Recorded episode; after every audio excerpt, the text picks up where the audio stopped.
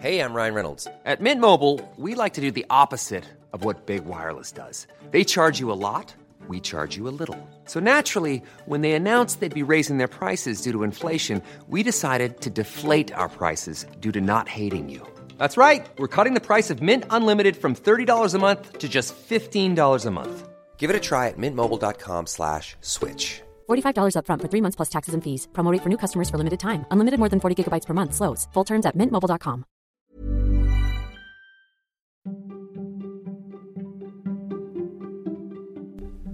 Välkommen till Nomofomo Daily. Det här är ju podden som ger dig trender och forskning som formar framtiden.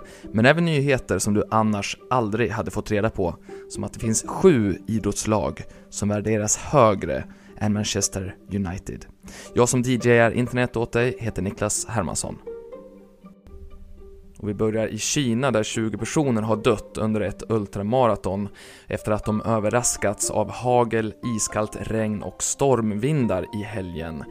Kinesiska medier rapporterar att tävlingen i nordvästra Kina hölls då alltså i turistområdet Yellow River Stone Forest i staden Bajin i Gansu-provinsen.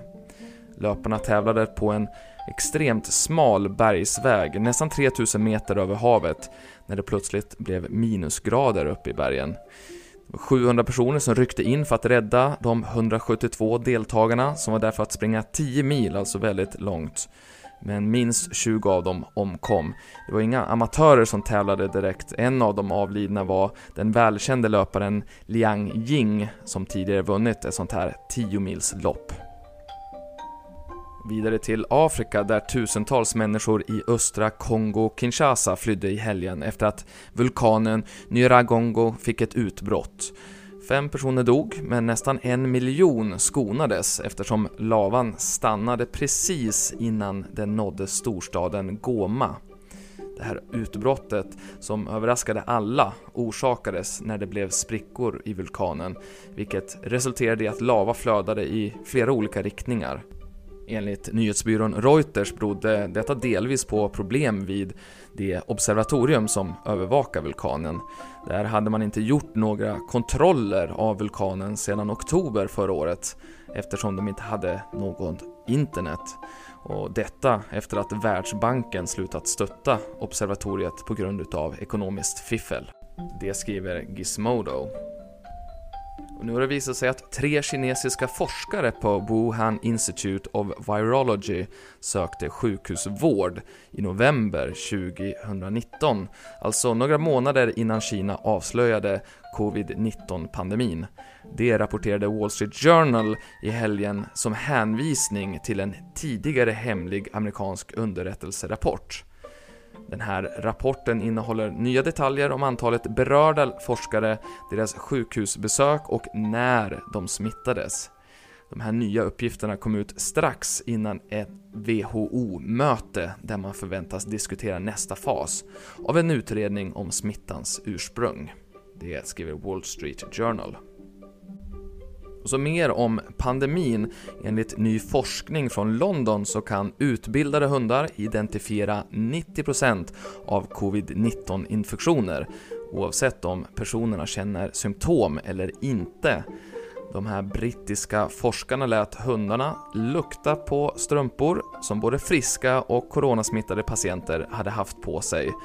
Och det här resultatet backar upp en fransk studie som släpptes för bara en vecka sedan. Då var sannolikheten 97%. Och så har ju tidningen Sportico släppt sin årliga lista med de högst värderade Premier League-lagen. Eh, listan toppas eh, även i år utav Manchester United som eh, värderas till 4,65 miljarder dollar. Tvåan är Liverpool, trea City, Fyra Chelsea, femma är Arsenal och sexa är Tottenham. Tottenham. De här då sex högst värderade Premier League-klubbarna, de är värda 22 miljarder dollar ihop, medan övriga 14 lag bara är värda 4 miljarder dollar. Sportico har ju tidigare listat de högst värderade baseball, basket och amerikansk fotboll klubbarna.